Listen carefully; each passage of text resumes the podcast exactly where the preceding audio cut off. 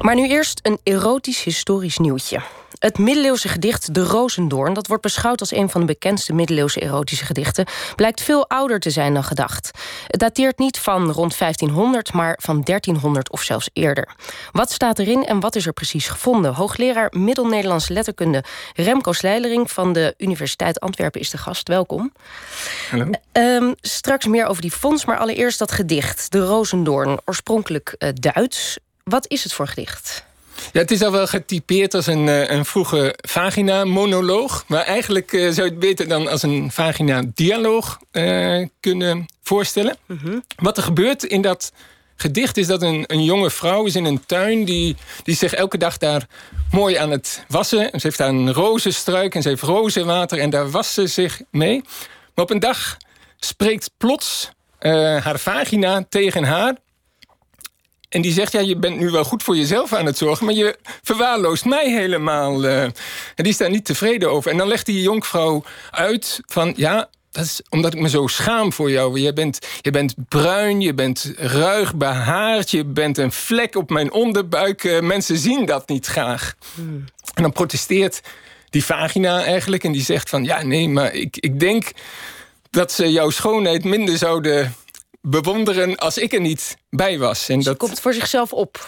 Ja, ja dat is heel opmerkelijk. Hè? Dus die vagina die begint daar uh, te spreken, die, die wil haar eigen plaats. Uh, nee, zegt de jonkvrouw, ik, ik geloof dat niet. ik kan wel zonder jou. En dan besluit ze zonder de vagina verder te gaan. De vagina is daar wat verdrietig over. En die, die jonge dame die gaat de wereld in, vindt een minnaar. Maar zo gauw die ontdekt dat zij geen vagina heeft, laat hij haar in de steek. En gaat meteen gepraat uh, in de wereld uh, daaromheen. Ah, daar heb je die kutloze vrouw. Het is af en toe vrij banaal in het gedicht. Die kutloze vrouw, die willen we allemaal niet. En mannen zien haar helemaal niet meer staan.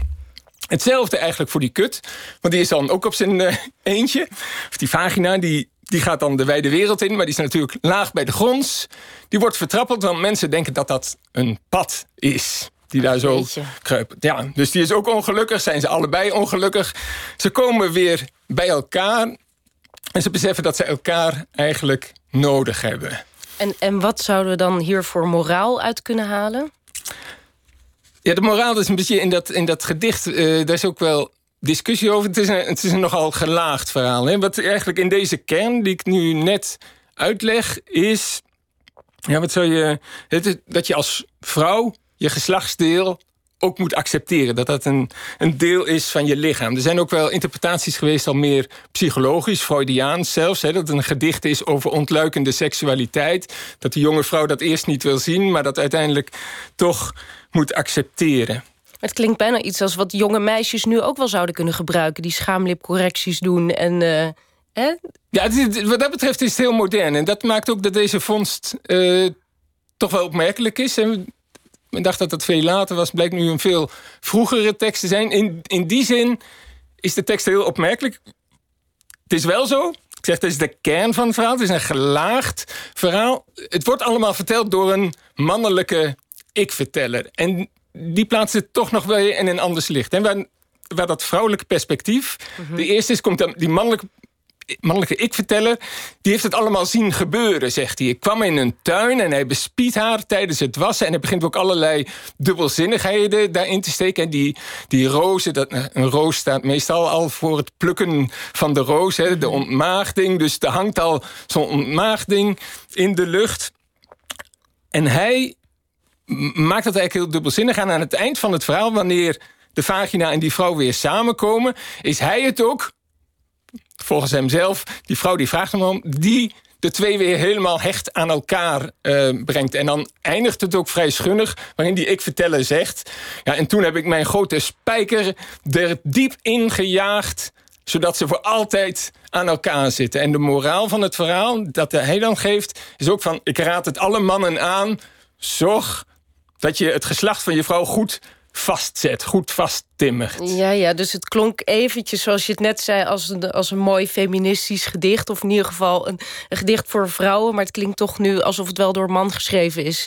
Ja, en als ik het lees... Ik heb het de voorbije dagen uh, proberen te interpreteren... lijkt het toch dat die, dat die kern zou wel ook ouder kunnen zijn. Dat het een mhm. verhaal is dat verteld wordt. Want we weten ook wel, 12e, ja, 13e eeuw... Dat die mannelijke verteller er later aan toe is gevoegd. Ja, dat hij dat zich heeft toegeëigend. Dat hij er een grappig verhaal van heeft gemaakt. Terwijl het eigenlijk... Je ziet ook wel in de, de Duitse literatuurwetenschappers erover discussiëren. Het genre is een beetje vreemd. Is het een strijdgedicht mhm. tussen de vagina en die vrouw? Of is het een, vooral een, een, een boerde? Hè, een, meer een, een, een schunnig verhaal, een, een goede grap.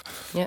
En, en die twee stemmen die hoor je. En dat is wel het. Die, meerstemmigheid is ook heel interessant bij middeleeuwse literatuur. Dat, dat andere perspectief klinkt wel mee. dus je kunt het lezen als een vrouw. Je kunt het ook.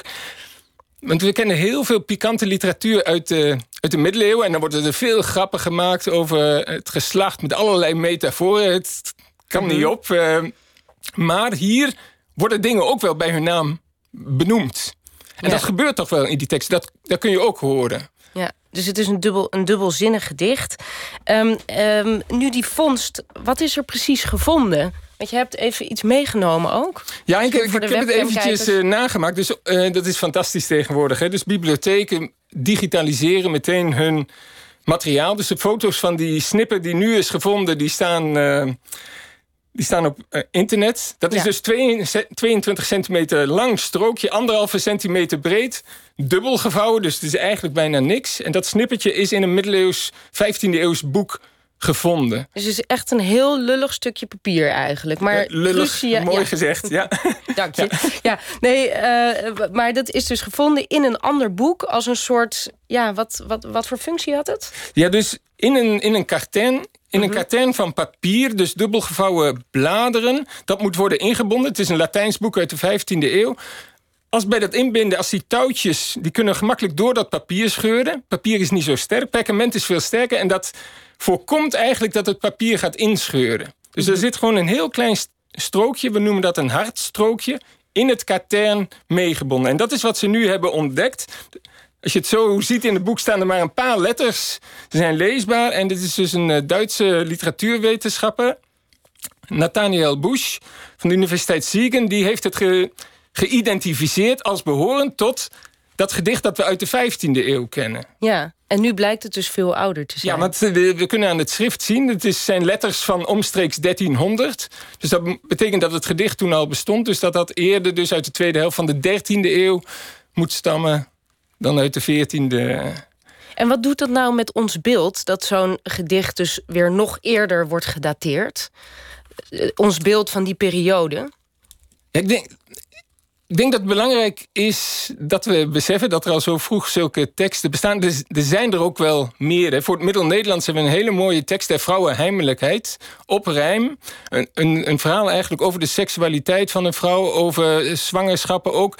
En dat is een ook daar weer een beetje educatief ingeleid. Het is een ik-verteller, mannelijke ik-verteller... die aan zijn geliefde uitlegt wat seks is, wat zwangerschap is. Maar bijvoorbeeld ook nadruk op legt... dat vrouwen ook opgewonden moeten raken voordat ze seks hebben.